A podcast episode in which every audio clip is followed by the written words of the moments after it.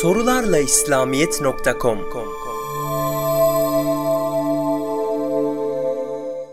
İmanımızı, hayamızı nasıl güçlendiririz?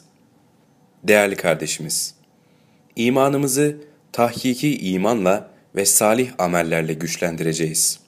Allah'a olan imanımız arttıkça ona karşı hayamız o nispette artmaya başlar. Salih amellerin başında bir saati bir sene ibadet hükmünde olan tefekkür gelir. Tefekkürle Allah'ın bizi yoktan var ettiği, varlıkta durdurduğu, binbir çeşit nimetleri bize ihsan ettiği, bundan sonra da cennet gibi ebedi bir saadet hayatını sırf merhametinden lütfedeceği ve benzeri milyonlarca nimeti düşünmek Allah'ı sevmeye götürür. Bu sevgi ise ona karşı bir haya duygusunun yerleşmesine vesile olur. Çünkü bu kadar iyiliklerine rağmen ona karşı gereken şükre eda etmediğimizi düşündüğümüz zaman ondan haya etmemek mümkün değildir. İşin başında marifetullah gelir. Allah'ı hakkıyla tanımak ise ancak tahkiki imanla mümkün olur. Böyle iman olduğu zaman atomdan yıldızlara, böcekten file, çiçekten bahara her şeyde Allah'ın sonsuz rahmetinin izini, özünü, yüzünü görmüş olacağız. Böyle bir tefekkür, sürekli bir huzuru, Allah'ın huzurunda olduğumuzu fark etme imkanı verir. Her zaman huzurunda olduğumuzu, O'nun her an bizi görmekte olduğunu düşündüğümüz o yüceler yücesi Rabbimize karşı hakkıyla kulluk edemediğimizi, hatta isyan ettiğimizi düşündükçe O'na karşı utanma ve haya duyumuz kabaracaktır. Tahkiki imanı elde etmenin en kolay bir yolu, özellikle bu asırda Risale-i Nur külliyatı olduğuna yüz binlerce insan şahitlik etmektedir.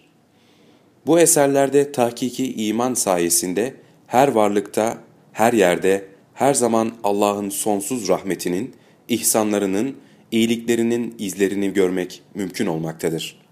İnsan, iyiliğin kulu kölesidir. Kaidesi gereğince, Allah'ın bu iyiliklerini yakından temaşa eden bir insan, Allah'ı daha yakından tanımak ister ve her gün biraz daha okuyarak imanını pekiştirir.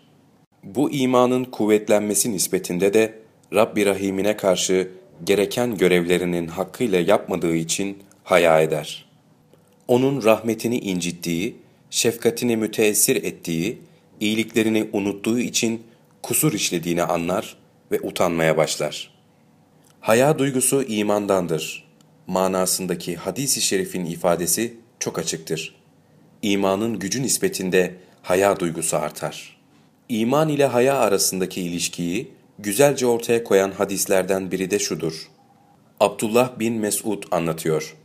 Resulullah sallallahu aleyhi ve sellem Allah'tan gereği gibi haya edin diye buyurunca biz Allah'a hamdolsun biz Allah'tan hakkıyla haya ediyoruz dedik.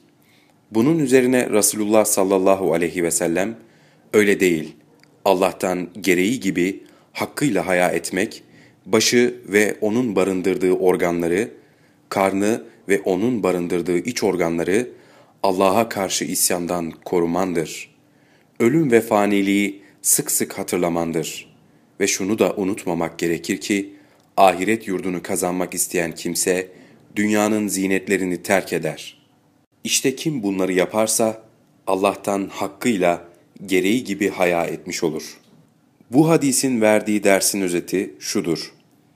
Allah'a sağlam bir imanla bağlanmak, onun emir ve yasaklarından ibaret olan takvayı esas almak, iman ve salih amel işlemektir.